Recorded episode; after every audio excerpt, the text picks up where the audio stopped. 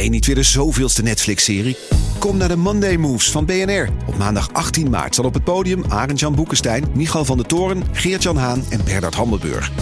Ze hebben het over geopolitiek. Het is oorlog. Moeten we vechten, vluchten of bevriezen? Onder leiding van mij, Art Rooijakkers. 18 maart dus in het De La Mar Theater in Amsterdam. Check bnr.nl slash mondaymoves.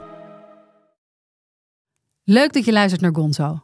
Misschien goed om te weten, vanaf aflevering 42 zijn we te beluisteren op Podimo. Kortie Media. Toen dacht ik, zie je wel, schurken. Als tot in de ministerraad. Men denkt, nou weet je wat, we rekken termijnen maar een beetje op. Want het komt politiek beter uit. Dus desnoods betalen we maar een dwangsom. Toen dacht ik, de rot zit in het hart van ons systeem. Dit is Gonzo, de podcast waarin we praten met journalisten over dat ene verhaal in hun carrière dat ze altijd is bijgebleven. Dat kan zijn omdat het een scoop was, omdat het opzienbarend was, riskant, gelauwerd, ontroerend of onthullend.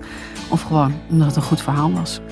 Mijn naam is Merel Westrik, tegenover me zit Frans Lomans. Eh, Frans, de journalist die we vandaag hebben uitgenodigd, heeft een enorme staat van dienst in de journalistiek.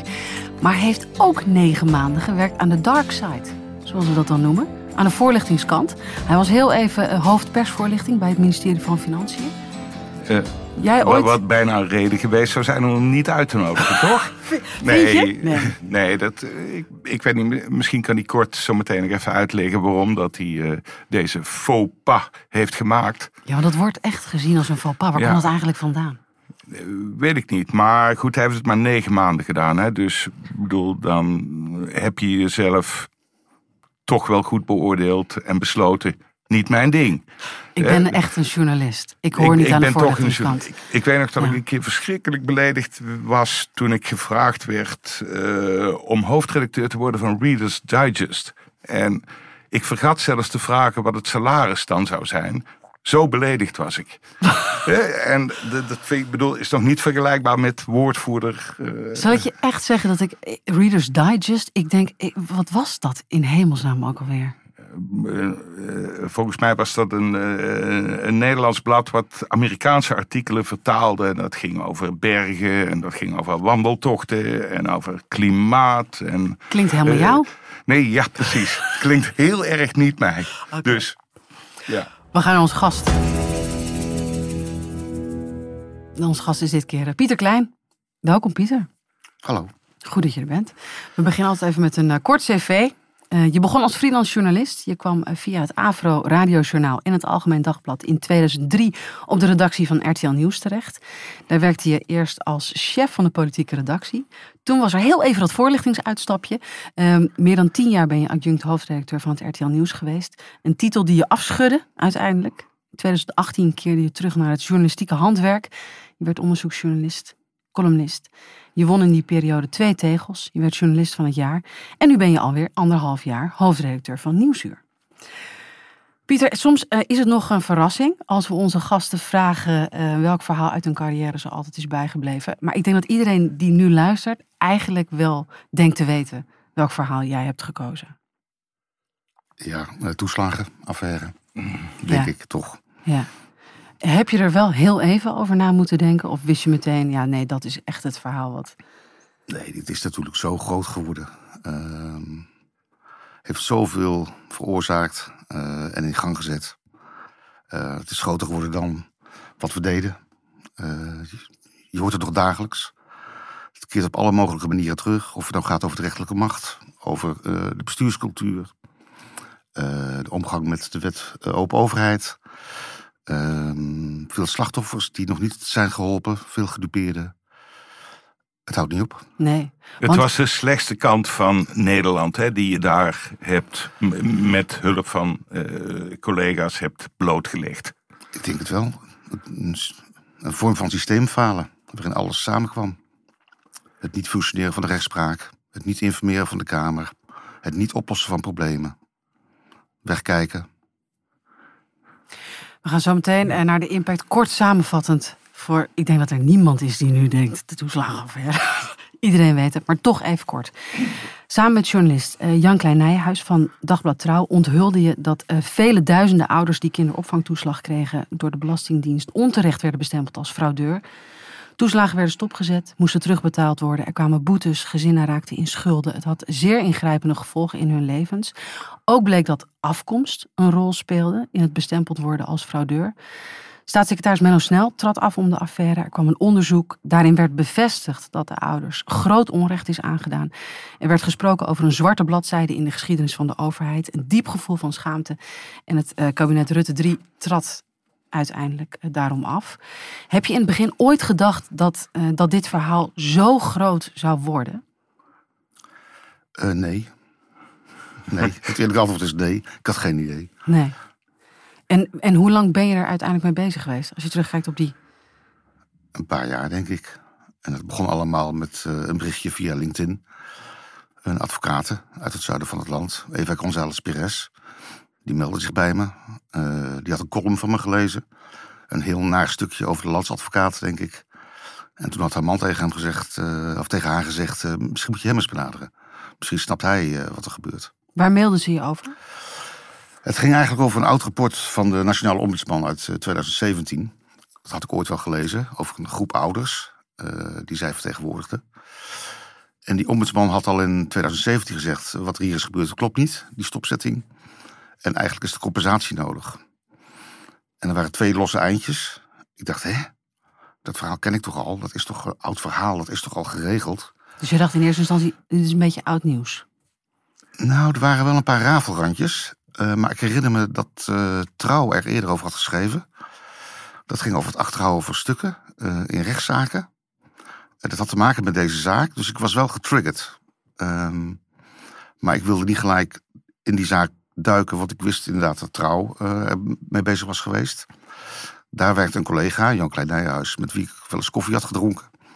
Dus ik heb toen eerst met Jan contact opgenomen en gevraagd: joh, doe jij nog wat met dat verhaal? Of, of hoe, hoe zit dat? Of hoe loopt dat? En uh, toen zei Jan, nou, ik loop vast, uh, kijk maar mee als je zin hebt. En Pieter, was je toen eigenlijk al gestopt als hoofdredacteur bij het RTL Nieuws? Was had je toen al besloten dat je, uh, dat je echt, echt weer onderzoek wilde doen? Ja, ik denk dat ik een jaar toen ongeveer was gestopt, of een half jaar, drie kwart jaar. Dus je had in feite ook je handen vrij. Je had niet meer de hele tijd klagende collega's die over elkaar liepen te klagen nee, en problemen. Ik was een vrij man. Ja. Je was een vrij man. Vrij ja. van al het En ik had een vrije opdracht. eh dat was schrijf columns, eh werk samen aan projecten met jongere collega's. Doe onderzoek en eh, zie maar. Ja. En waar, waar ben je begonnen? Dus je, je kreeg die mail, je had contact met, met, met Eva. Je wist dat Jan, eh, Johan daarover had geschreven. Sorry. Ehm, nou, stukken nalezen. Hoe, hoe is dit precies gegaan? Wat weten we nu? Eh, op zoek naar andere bronnen. Eh, praten met ouders, met gedupeerden. Ehm, maar het zijn er zoveel verhalen. Er zat zoveel verdriet en ook zoveel schaamte. Ja, want je zegt, het zijn, het zijn zoveel eh, verhalen. Je hebt in die periode ontzettend veel geschreven. Je, maakte columns, artikelen. Er zijn natuurlijk talloze nieuwsreportages gewe- geweest. Ik wil even naar eh, eh, één bepaald moment in alles wat je geschreven hebt. Ehm, je deed al maanden onderzoek naar dat onrechtmatig stopzetten van toeslagen. Wat dat dan tot dusver bekend was. Toen je een column schreef voor de website van RTL Nieuws met de titel Waarom ik? Waarom wij? Het was een jarenlange hel. En die column werd op 20 mei 2019 gepubliceerd op rtlnieuws.nl. En daarin omschrijf je hoe je aanwezig bent bij een eh, door de Belastingdienst georganiseerde bijeenkomst in Arnhem voor gedupeerde ouders. eh, in een Best Western hotel tegenover Arnhem eh, Centraal. Waarom ging je daarheen? Ehm, ik zat letterlijk thuis, s ochtends in de tuin, in allerlei dossiers. En was aan het lezen en lezen en spoor terug aan het reconstrueren. En ik wist via ouders en via die advocaten, even González Perez, wel dat die bijeenkomst was. Eh, maar ik dacht, nee, ik moet onderzoek doen. En ik zat toen die dag in mijn tuin en dacht ik, ik ben gek. Ik moet niet hier zijn. Ik moet die mensen spreken en zien. Ik moet het voelen. Dus toen heb ik Jan gebeld. eh, die kon niet. En ik dacht, eh, ik ga er gewoon heen en ik zie wel wat er gebeurt. Dus gewoon ouderwets. Je was niet uitgenodigd, hè, voor alle duidelijkheid. Ik was niet eh, officieel uitgenodigd, nee. Dus Nee, nee. Je, je ging daar aarzelend naar binnen. Hoe, Nou ja, ik dacht, eh, ik loop gewoon naar binnen. Eh, en ik zag allerlei eh, keurige medewerkers van de Belastingdienst hadden alles netjes georganiseerd. Eh, je kon je ergens aanmelden. Ik deed gewoon alsof ik daar hoorde en liep gewoon het aanmeldtafeltje voorbij. Niemand zei iets. Sommige ouders eh, die kenden me al, eh, die begroetten me vriendelijk, die moesten lachen. Eh, hetzelfde met, eh, gebeurde met Eva González Pires, die zat ook in het zaaltje. En toen dacht ik, nou, we zien wel wat er komen gaat. Je schreef in je column, ik heb iets gedaan wat niet zo netjes is. Nee, want het is gebruikelijk dat je je identificeert als journalist. Ehm, vooraf, of je kenbaar maakt. Eh, ik wist dat de betrokken ouders er geen probleem mee hadden. Ik denk, als ik iets schrijf, doe ik het op zo'n manier dat het niet herleidbaar is naar die mensen. Maar het gaat me om te laten zien wat er hier gebeurt. En wat gebeurde? Want, want je ging zitten. Ja, het was in een fase waarin de Belastingdienst zelf al een beetje aan het kantelen was. Eh, onder aanvoering van de toenmalige staatssecretaris Menno Snel. Die had ook in de gaten, eh, er zijn dingen gebeurd die niet goed zijn. We moeten hier een beweging maken. We moeten hier iets mee. Dus hoe doe je dat? Je begint ook met praten. Eh, en die mensen hadden vaak al allerlei rechtszaken achter de rug. allerlei dingen meegemaakt. Dus het was een heel moeizaam gesprek. Als je dan toch vanuit je ivoren toren komt en het gesprek aangaat. En zegt, ja, wij komen hier om naar u te luisteren. En die mensen denken, luisteren? Los mijn problemen op, alstublieft. U, u weet hoe het zit. Wat bedoelt u met luisteren? Dus het was een, ja, een hele rare bijeenkomst. Die, waar allerlei mensen waren die vervolgens opgedeeld werden in allerlei zaaltjes. En die gingen daar hun verhaal vertellen. Eh, er zat een of andere meneer bij die steeds ging samenvatten op een afschuwelijke manier. Dat riep een heleboel ergernis op. Belastingdienst had gewoon zijn best gedaan om dat allemaal in goede banen te leiden. Maar het was, ja, het- nou, dat was niet helemaal oké. Maar die, die, want die samenvatter die kon best op kritiek uit de zaal rekenen, toch? Eh, Van, Ja, die had zoiets van, hou op, we zijn niet achterlijk, we spreken allemaal Nederlands, we, we- we zijn niet debiel, kom op. Eh, En we hebben vragen, waarom beantwoord je die vragen niet? Maar dat was niet de bedoeling, want ze wilden niet op individuele casussen ingaan, uiteraard. Dus het was al met al een, eh, een moeizame bijeenkomst. Wat viel jou nog meer op aan die bijeenkomst? Eh, de achtergrond van mensen, uiteraard. De culturele achtergrond. Ehm, Wat zag je? groep ouders. Veel mensen met eh Turkse of Marokkaanse achtergrond. Ja, Merkte- je, je, je omschreef jezelf als eh, de enige zonder veel kop. kleur, hè? Ja. Ja, ja. En een paar mensen van de Belastingdienst. Die, Maar dat, ik kan me voorstellen, Pieter, als je dan, dan zo naar binnen gaat op zo'n bijeenkomst. En dan, daar kom je dan eh, als witte man binnen eh, tussen allemaal mensen met een tweede nationaliteit. Dat valt meteen op. Dat zie je. Ja. Eh, en hoe voelde je je daarbij? Eh, ongemakkelijk. Maar, maar, maar maakt het je ook iets duidelijk? Ja en nee, want wij hadden al heel veel vragen gesteld aan het ministerie van Financiën en de Belastingdienst toeslagen. Wat is er in het verleden gebeurd met eh, of selectie of eh, algoritmes? Maar in dit specifieke geval eh, wist ik al dat er ergens een lijst was bijgehouden. Dat de dubbele nationaliteit in beeld was gebracht. Wij stelden er allemaal vragen over, maar er kwam maar geen antwoord op van de Belastingdienst. En dat was mede reden om daar naartoe te gaan en dit verhaal toen op te schrijven. Dus, toen, Zonder dat wij exact wisten wat er was gebeurd. dus het, ga- het gaf je geen antwoord op een vraag. Het bevestigde meer iets. Eh, ja. En ook het gevoel van eh, deze mensen. Geen A-burgers, maar B-burgers. ja, dat, dat voelde je. eh, Dat was je ook wel duidelijk geworden uit gesprekken van... Ja. hier worden mensen als B, C, D, E, F burgers behandeld. Ja, ja, ja.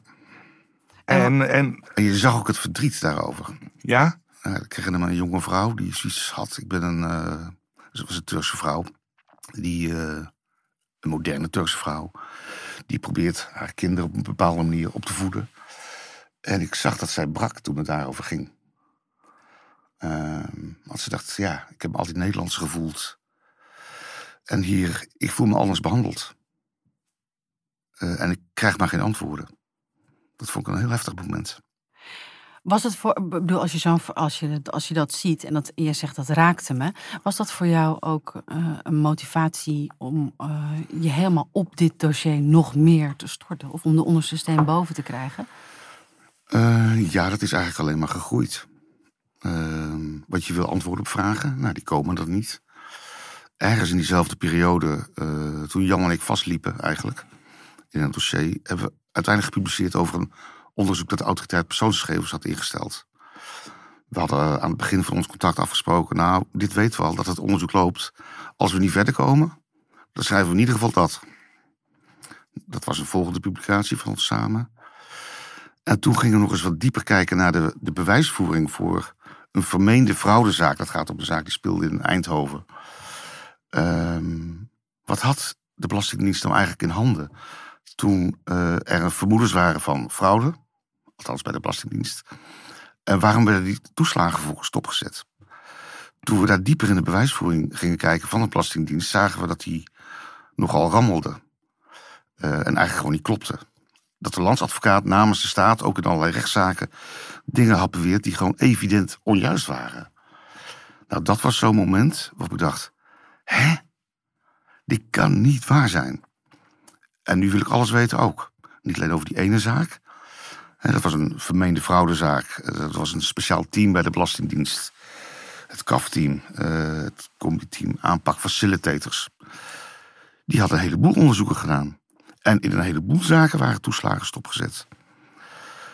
Um, dus toen we dat hoorden, en in diezelfde fase sprak ik weer een andere een vrouw uit Rotterdam die zich meldde. Die zei: Ja, ik heb iets soort gelijks meegemaakt. Uh, met haar gastouderbureau. En toen dacht ik: Hè, wat gek. En ook, en ook stopzetting van allerlei toeslagen. Uh, en ik heb mijn hele administratie nog. Toen zei ik: uh, Kunt u eens op zoek gaan naar het woord kaf? En ergens stond inderdaad het woord kaf. En zo kregen Jan en ik de eerste uh, lijntjes te pakken waarvan we wisten: dit moeten we verder uit gaan zoeken. Want de omvang is veel groter dan die ene groep van 300 ouders uit Eindhoven. Um, Hoewel 300 ook al best veel is, hè? Is al best veel, maar je kunt ook zeggen: daarover was al een rapportje van de ombudsman. Ja. Um, ja, dat was best veel. Heb je enig idee hoeveel, hoeveel, papier, hoeveel e-mails, dossiers, documenten je in die jaren hebt, hebt doorgewerkt? Uh, nee, ja, ik, nee. Het is zoveel. Het is ook allemaal. Het is gaan stapelen. Want tot op de dag van vandaag komen er nog stukken weer naar buiten. die eigenlijk toen al openbaar gemaakt hadden moeten worden. Er is heel veel openbaar gemaakt door de uh, parlementaire ondervragingscommissie. Kinderopvangtoeslag, de POK. Er zijn heel veel WOP-procedures geweest. De, de, de nieuwe WO, Wet Open Overheid, heette toen nog WOP. We hebben zelf heel veel uh, WOP-verzoeken gedaan. Als deel van het onderzoek. Ja, krankzinnig veel. Het duurde ook vaak lang voordat je uh, uiteindelijk dat, daar de uitkomsten van kreeg. En dan was bovendien nog vaak de, de, de helft zwart gelakt, hè? Uh, ja, ook. En stukken ontrokken aan onze WOP-procedures. dus op ja, niet te verklaren wijze verdwenen er stukken. Heb je het gevoel dat je echt bent tegengewerkt? Ja. Ja. Net zoals de Kamer is tegengewerkt. Bij het reconstrueren, reconstrueren van wat er allemaal is gebeurd. Wie waren de tegenwerkers? Kun, kun je dat omschrijven of was het gewoon ook weer een kluwe van, van factoren die ervoor zorgden dat niemand jou een fatsoenlijk antwoord op welke vraag dan ook gaf?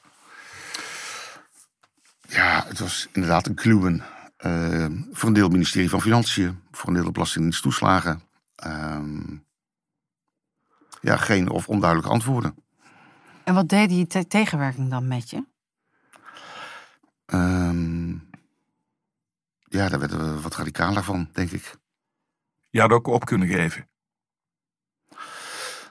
Nou, nee, ja, we, zowel Jan als ik, denk ik, maar laat ik voor mezelf spreken. Je begint met een soort verbazing. Van, wat is dit?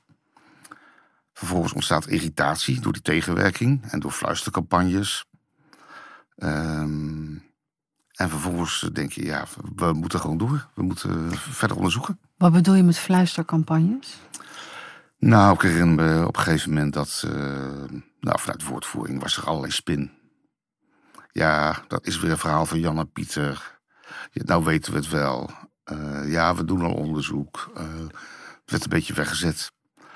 Ook door, ik geloof dat door een anoniem Kamerlid uit de coalitie werd omschreven als een hetze tegen Menno Snel. Zat daar kwade opzet achter, denk jij? Of is dat iets wat... Ach nee, ja, het is politieke porno. Uh, ja. Ik, ken Den Haag lang genoeg om niet druk te maken over dat soort dingen. Nee.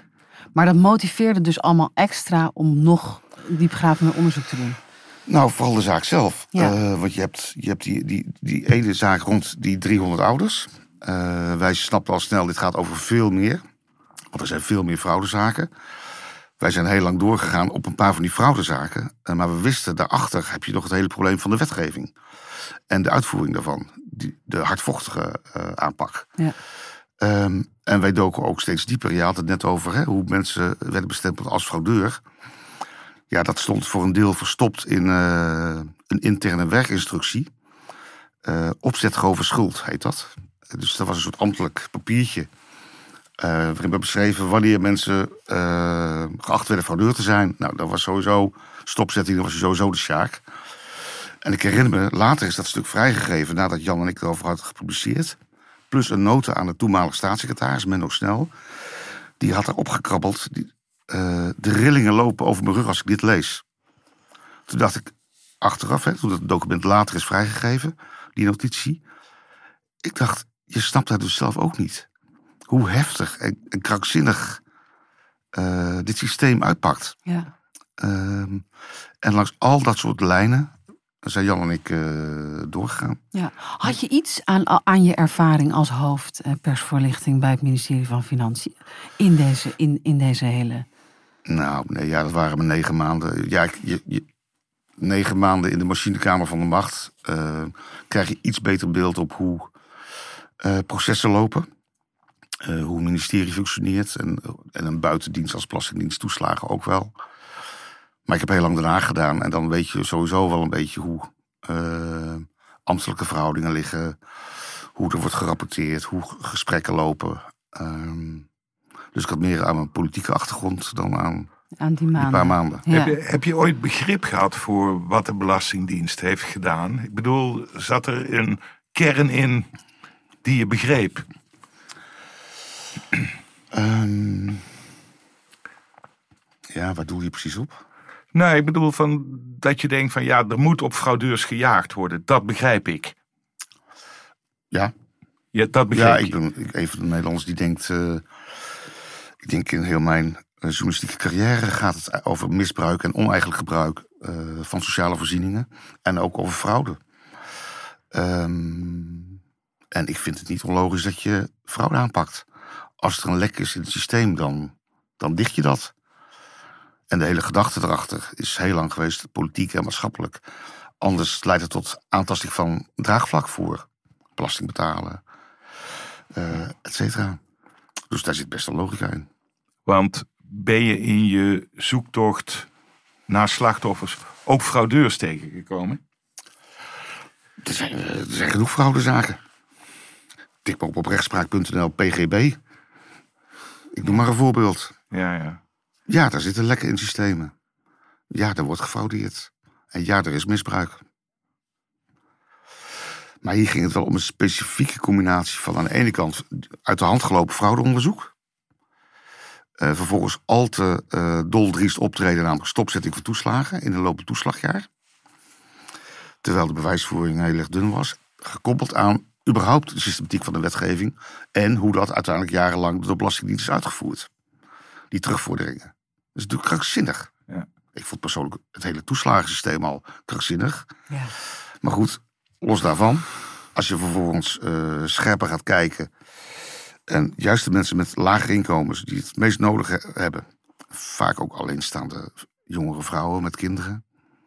Ja, door die zo hard te pakken. Ja.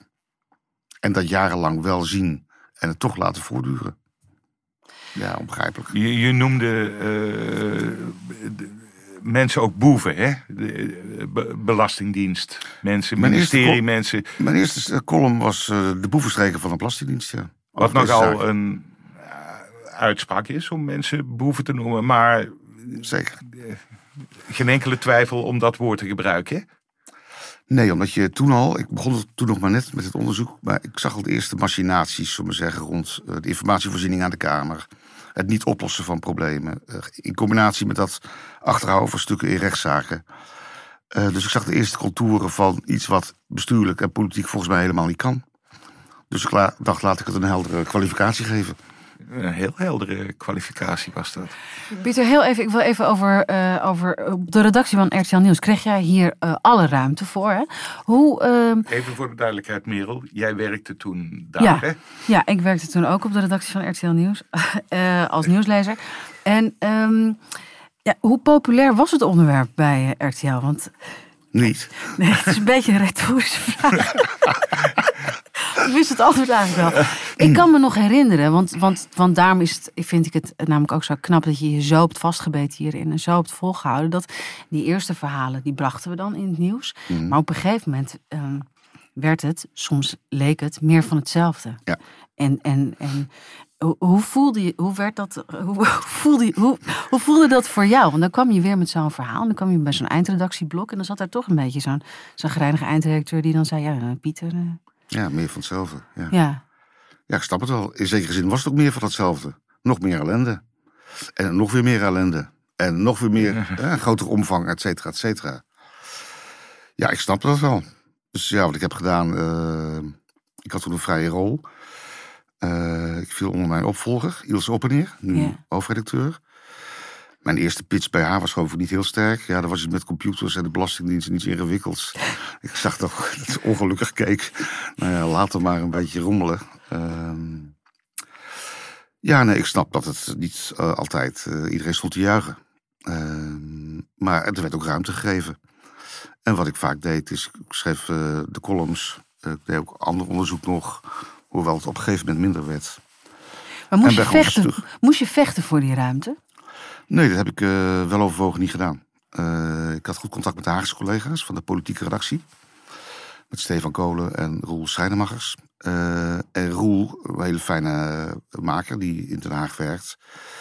Die kon ik gewoon allerlei informatie over de schutting gooien naar hem. En die gaf gewoon heel duidelijke feedback. oh, Oké, dit is een topverhaal. Hou me op de hoogte. En bij andere verhalen had hij van... Nou, die krijg je niet verkocht in, in Hilversum. En dan nog dacht ik soms, nou oké, maakt mij niet uit, dan publiceren we online. En, eh, en Jan in eh, Trouw. Maar ik kan me ook zo voorstellen dat je het liefst een nieuwsreportage in het nieuws had. Want daar keken de meeste mensen naar. En dat was ook denk ik misschien wel in het belang soms van sommige informatie die je... Ja, maar het waren soms ook heel moeilijke verhalen. Ja, Ik refereerde net aan zo'n zo'n werkinstructie. ja. Of Of dat GS. kaf. Ja. Ja, wat moet je allemaal uitleggen in een tv-reportage van eh, 2 minuten 15? Vond je het zelf soms ook ingewikkelde materie? Want je had gelukkig Jan dan eh, als, partner. eh. Ehm, ja en nee, maar ja, ik heb lang politiek gedaan. Dus je weet wel iets van wetgeving, je weet wel iets van eh, politiek en bestuurlijke processen. En naar de mate waarin het, het onderzoek vorderde, kwamen er ook steeds meer mensen die met ons wilden praten.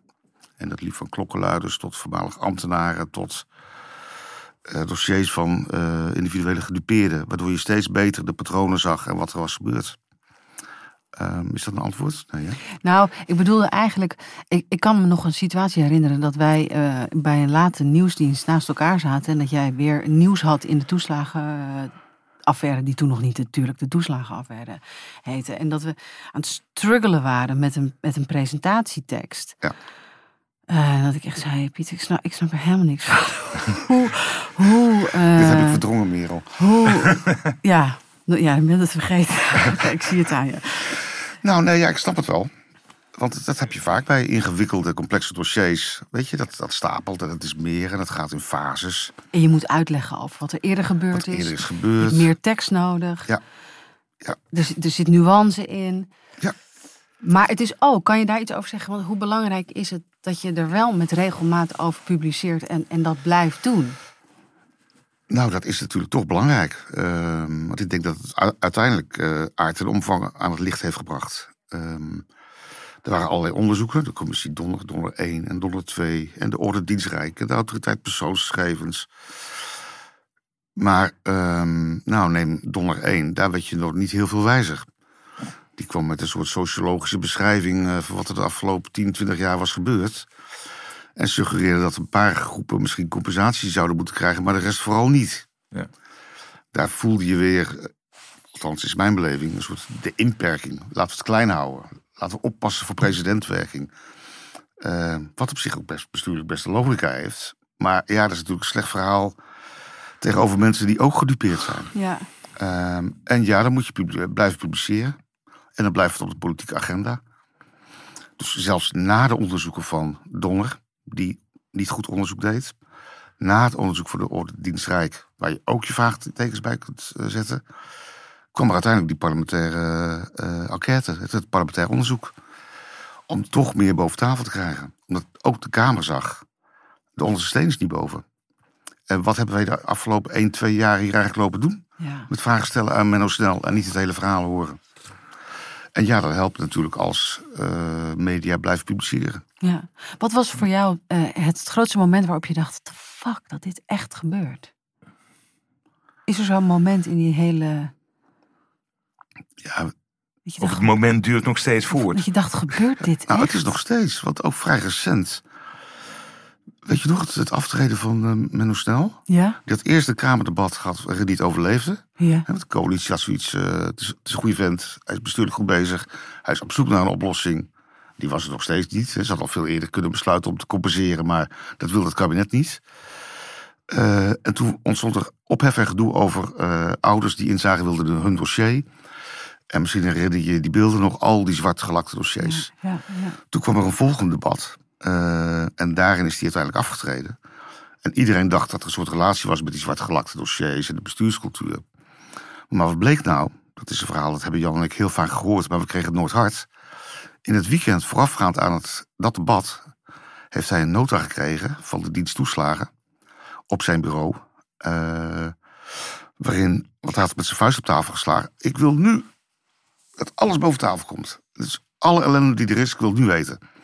Nou, in die notitie stond, eh, ja, we hebben jarenlang 21 wetten en regels overtreden. Die notitie is pas een paar weken geleden vrijgegeven.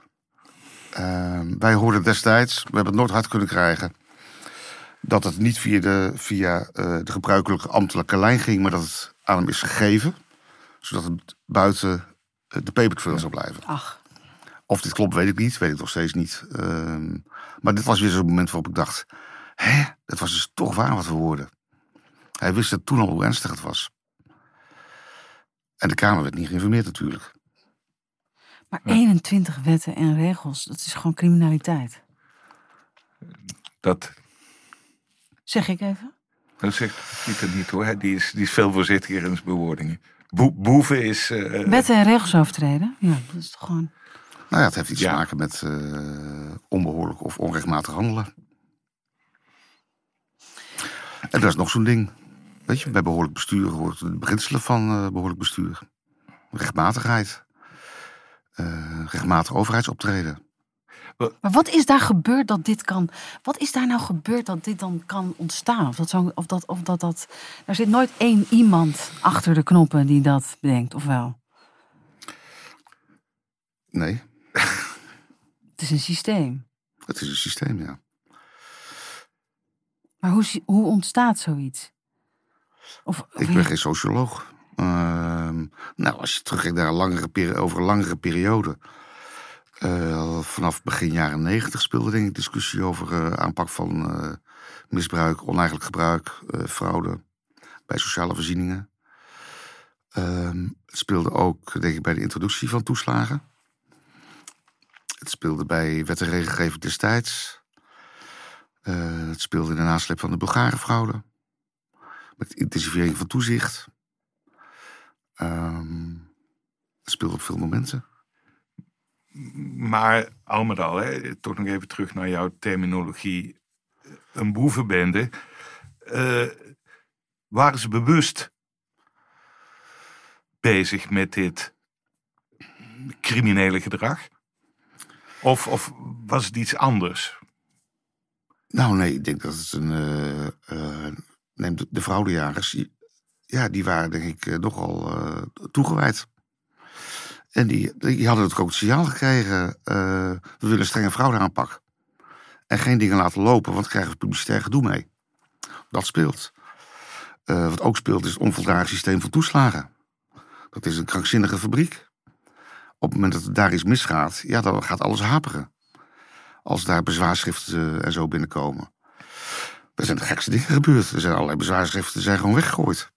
Ehm, ja, wat voor gedrag is dat? Ja, weet ik niet hoe, hoe je dat moet omschrijven. Maar, Maar, maar, het, is de, die- het is de stapeling van eh, enerzijds eh, intensivering van fraudebestrijding, gebrekkige wet en regelgeving, ehm, een dienst, de dienst toeslagen die het niet aankon.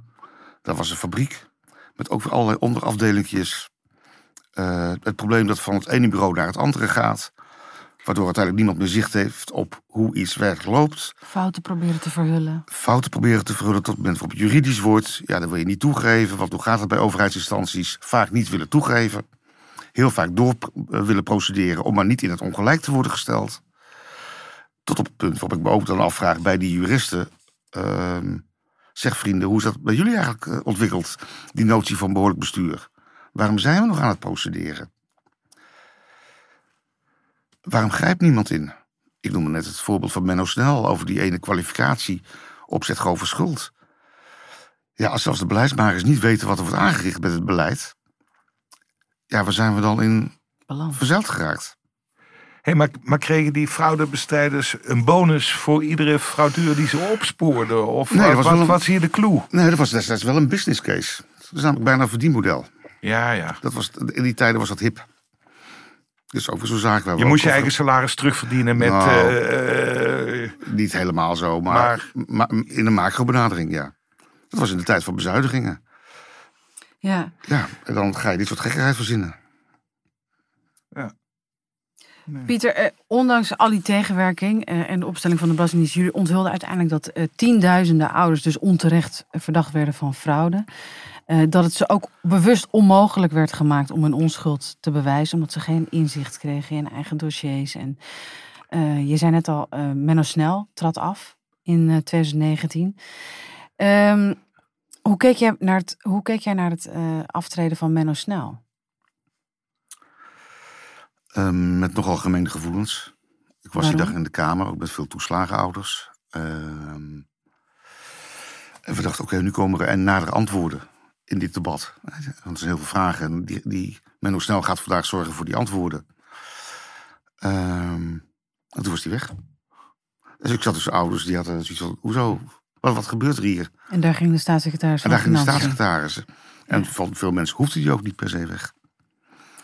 Ehm, en ik zat er ook met een soort ambivalentie van... wa- Wat is dit? Wat gebeurt er hier? Wat weet Menno Snel wat wij nog niet weten? Die vraag had ik toen wel. Ben je Wat daar is er gekomen? gebeurd? Nou ja, dat is die ene notitie die eh, laatst boven tafel is gekomen. Die had hij toen, die, dat, dat, Die heeft hij toen gezien. Hoeveel er ver- verder nog mis was. ja. Had op zich een hoge pet op van die man, hè? Je vond het wel een oké bestuurder. Eh, die indruk had ik wel. Ja. Hij is wel degene die uiteindelijk ook. Ze had die hele commissie Donner voor nodig om tot compensatie te komen. Dat vond ik op zich belachelijk. Want ik dacht, als je dan weet hoe het zit, Compenseren. ja. Heel compenseren. simpel, hè? Heel simpel. Ehm, maar ook Menno Snel heeft dingen niet willen zien. Ik herinner me een, eh, een kamerdebat, eh, juni, juli 2019. Liep hij met droge ogen te beweren eh, in, in de Kamer dat hij, hoe zei hij het ook alweer? Dat hij geen externe signalen had dat er meer mis, mis was dan alleen bij die groep van 300 ouders. Toen zaten Jan en ik naar te luisteren. Wat is dat voor formulering? Geen externe signalen. Ja. Bij ons waren er namelijk allemaal signalen dat er veel meer mis was. En we wisten dat een week, terwijl Menno snel dat liep te verkondigen, wisten wij dat er een week later in Rotterdam een rechtszaak zou zijn. In een soortgelijke zaak. Inderdaad, een kafzaak. eh, waar het ook ging om inzage in dossiers, waar het ook ging om stopzetting. Ja, toen dacht ik, ja, weet je het nou echt niet? Of wil je het niet weten? Wat is er hier aan de hand? Dat laatste dus, hè? Dat Laten was- we dat concluderen. Hij wilde het niet weten. Nou, nou ja, nee, eh, onvoldoende. Onvoldoende, denk ik. Want ik denk niet dat hij eerder echt met zijn vuist op tafel had moeten slaan. En tot een oplossing had moeten komen voor die eerste groep ouders. Ik snap dat het politiek en bestuurlijk volgens allemaal heel ingewikkeld is. Ehm, ja. Maar men wilde veel ook niet weten.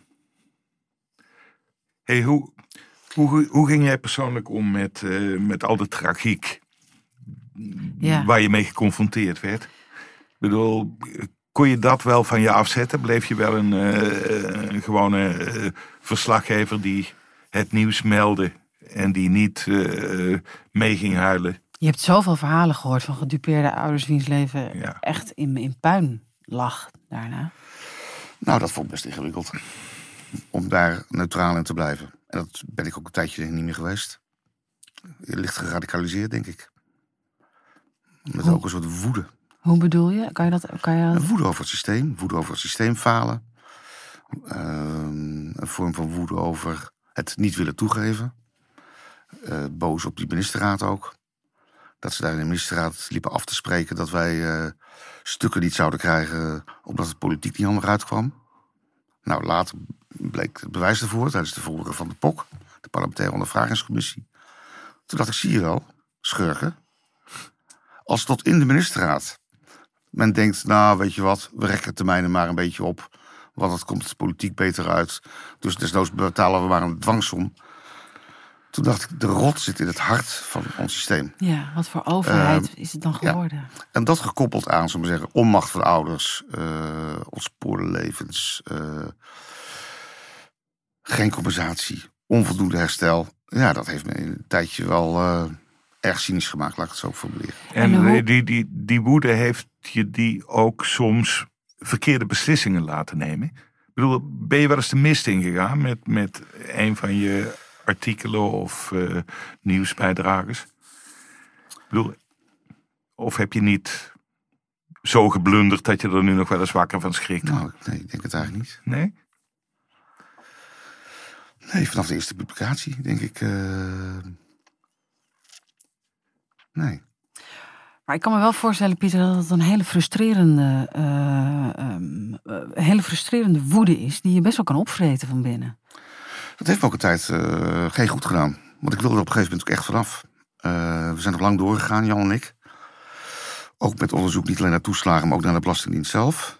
Op een gegeven moment stuiten we op het fenomeen van de zwarte lijsten. FSV, de fraude signaleringsvoorziening. Daar zijn we ook maanden mee bezig geweest. Ik kon het gewoon niet geloven. Ik dacht, hé, Nederland, zwarte lijst, niemand die iets weet. Dit kan niet waar zijn.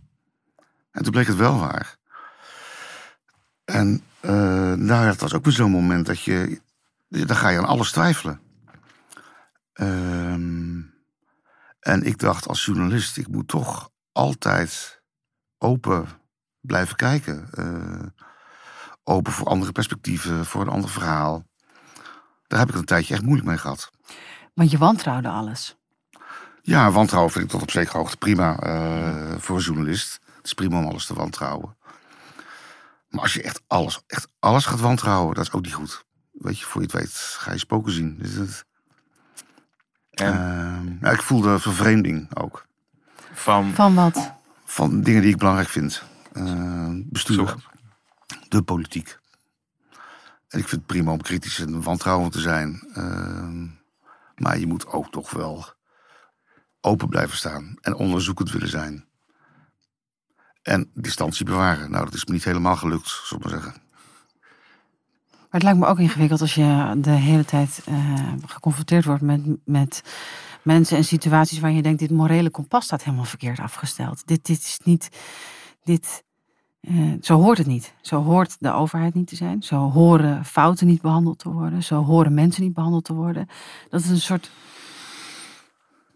Ja, maar daar zit ook natuurlijk mijn ergernis in.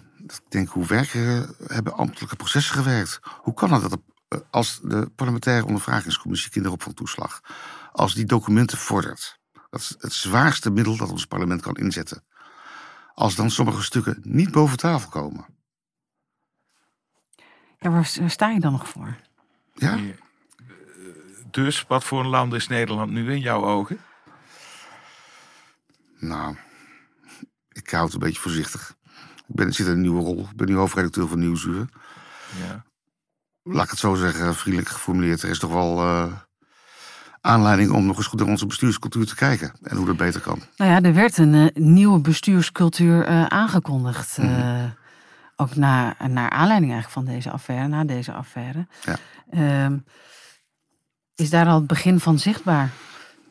Eh, nu komt er een cynisch lachje. Hè? Dat, eh, Ja, dat kan, dat kan je als je hoort. dat De zie je niet echt kan je eh, niet zien. eh, in een podcast. Nou, laat ik het beperken tot eh, de omgang met de wet open overheid.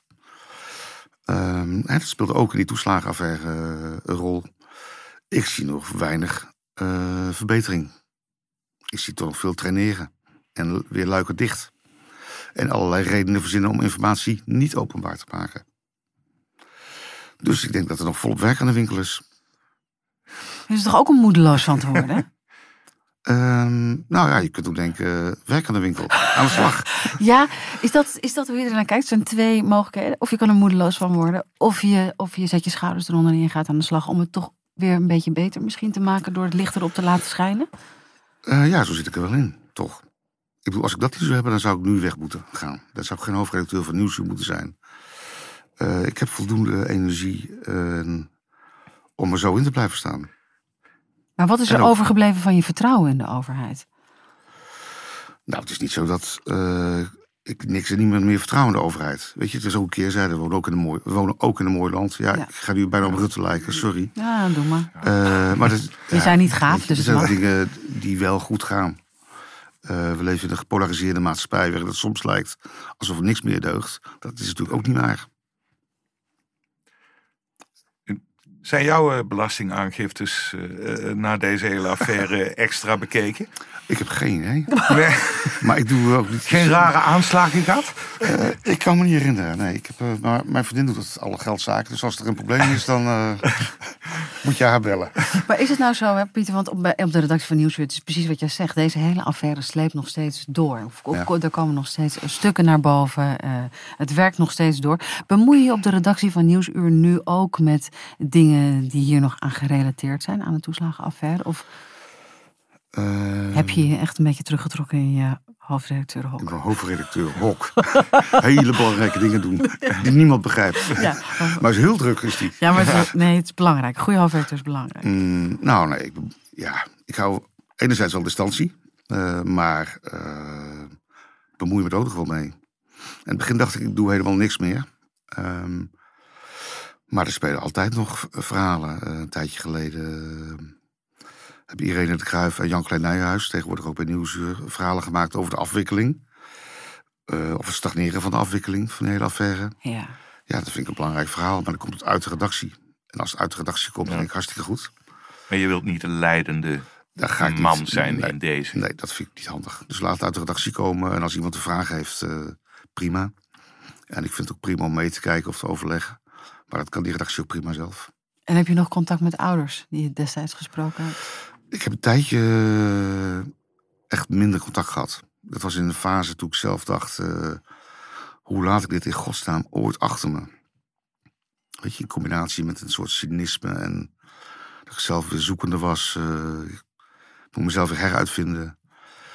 Ik dacht, ik kan niet iedere dag weer terug in het verleden worden gezogen. Ik moet weer vooruitkijken. Je Ja. bent zelf een soort slachtoffer eh, Op van geen- de op geen enkele- toeslagenaffaire. Op geen enkele manier. Oh, nee, nee, Nee, maar je- ik kan me voorstellen, het gaat om zoveel ouders. Mensen blijven je natuurlijk ook mailen. Mensen willen, ik kan me ook voorstellen dat mensen een beetje eh, toch hopen dat jij iets voor ze kan betekenen. Wat je in zekere zin ook kan door te publiceren. Maar, maar het is nooit genoeg. Nee, maar ik ben op enig moment toch wel meer afstand gaan houden. Ja, Eh, want ik dacht, ik kan niet alles oplossen. Ik Nee. kan niet in iedere rechtszaak. Nee, want je Ik- bent een journalist. Ik ben ook journalist. Ja.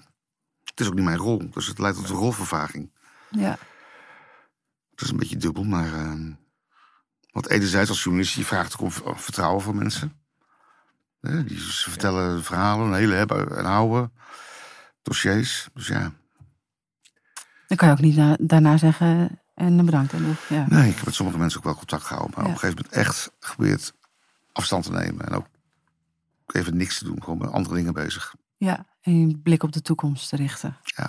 Heb je, heb je een beetje lol gehad in die tijd met, met andere dingen? Ik bedoel, wat, wat leidde je af in, in die periode? Ik bedoel, eh, weet ik veel. W- Wilde seks, voetbalwedstrijden, whatever. Alles oh, wat- maar god, ja, nu zegt. komt echt een... Ja, ja. Of gewoon wandelen met mijn hond, Sammy. Of eh, met vrienden naar het café. Of eh, wandelen op de hei. Of... Ja, je bent niet al je vrienden kwijtgeraakt in die periode, omdat je zo monomaan hiermee bezig was. Eh, nee, want mijn vrienden kennen me een beetje. Maar eh, Nou, dat, je privéleven komt natuurlijk wel onder druk te staan. Als je als een monomane gek alleen maar met eh, één verhaal bezig bent, dag in, dag uit. Hmm, vaak ook in de weekenden. Het is wel een beetje doorgeschoten in dit verhaal, ja. Over een te lange peri- periode. Maar je hebt uiteindelijk een, een, een ontzettend belangrijk eh, verhaal gebracht. En, eh, en iets blootgelegd wat, wat, wat ongekende impact heeft gehad. En wat hopelijk, want heb jij dat nog, dat je dan denkt... Ik hoop dat het dit teweeg brengt. Of ik hoop dat... Heb je daar gedachten bij gehad? Ehm, nou, je hebt een aantal dingen gezien in de nasleep. Onder meer de reflectie bij rechtbanken en, en de Raad van State. Ja. Nou, dat gaat over een van de kernen, het functioneren van de rechtsstaat en de opstelling van de, onder meer de bestuursrechten daarin. ja. Ik denk dat dat wel effect heeft gehad. Ehm, dat een rechter, ook als hij, sorry, in jargon marginaal toetst, toch altijd kijkt naar proportionaliteit, billijkheid, redelijkheid. Zoals het in mijn beleving hoort te zijn. Ja. Ehm, in zaken waarin een burger tegenover de bestuursrechten staat. Tegenover de staat. ja. Kort- Kortom, het, het heeft wel nut gehad. Je Ik, werk. ik, denk, ik denk het wel. Er zijn mensen gecompenseerd. Er is bij eh, grote groepen al een vorm van genoegdoening. Een heleboel mensen wachten nog, maar dat is wel gebeurd. Ehm, het heeft geleid tot een nieuw debat over een politieke cultuur. Of we heel veel zijn opgeschoten is een, is een andere vraag. ja. Eh, mijn beide kinderen studeren allebei rechten. Die worden doodgegooid bij die toeslagenaffaire. En bedankt, papa. het bijna sneu voor ze. Ehm, maar ik bedoel, dat zegt ook iets. Ja. Dat is toch heel mooi.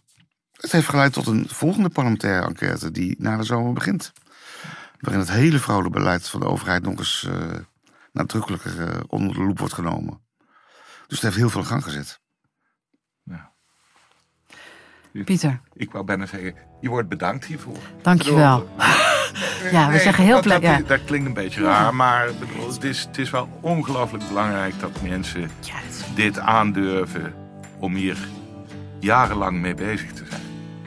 Ondanks dat het niet het allergeilste onderwerp is wat er bestaat. Nee, nee, ik bedoel, maar je moet volhouden, want anders was dit gewoon allemaal niet boven tafel gekomen. En dan zaten we nu in een nog slechtere situatie. Zo is het, Dus- Frans. Ja? Zo Sorry voor deze wat eh, Nee, heel goed. rare Nee, dank. Ik vond het, ik vond het hartstikke mooi. Ik eh, sluit me volledig... Nou, ik, ja. Beetje. Dankjewel, Pieter. Eh, dit was Gonzo. Mijn naam is Merel Westrik. Frans Lohman zit tegenover me. Mocht je nou vragen hebben of suggesties, mail dan vooral naar gonzo.kortimedia.nl. Deze podcast vind je op Apple Podcast of Spotify. Vergeet je vooral niet te abonneren, want dan weet je wanneer er een nieuwe aflevering online staat. Volgende keer weer een goed verhaal. Tot dan.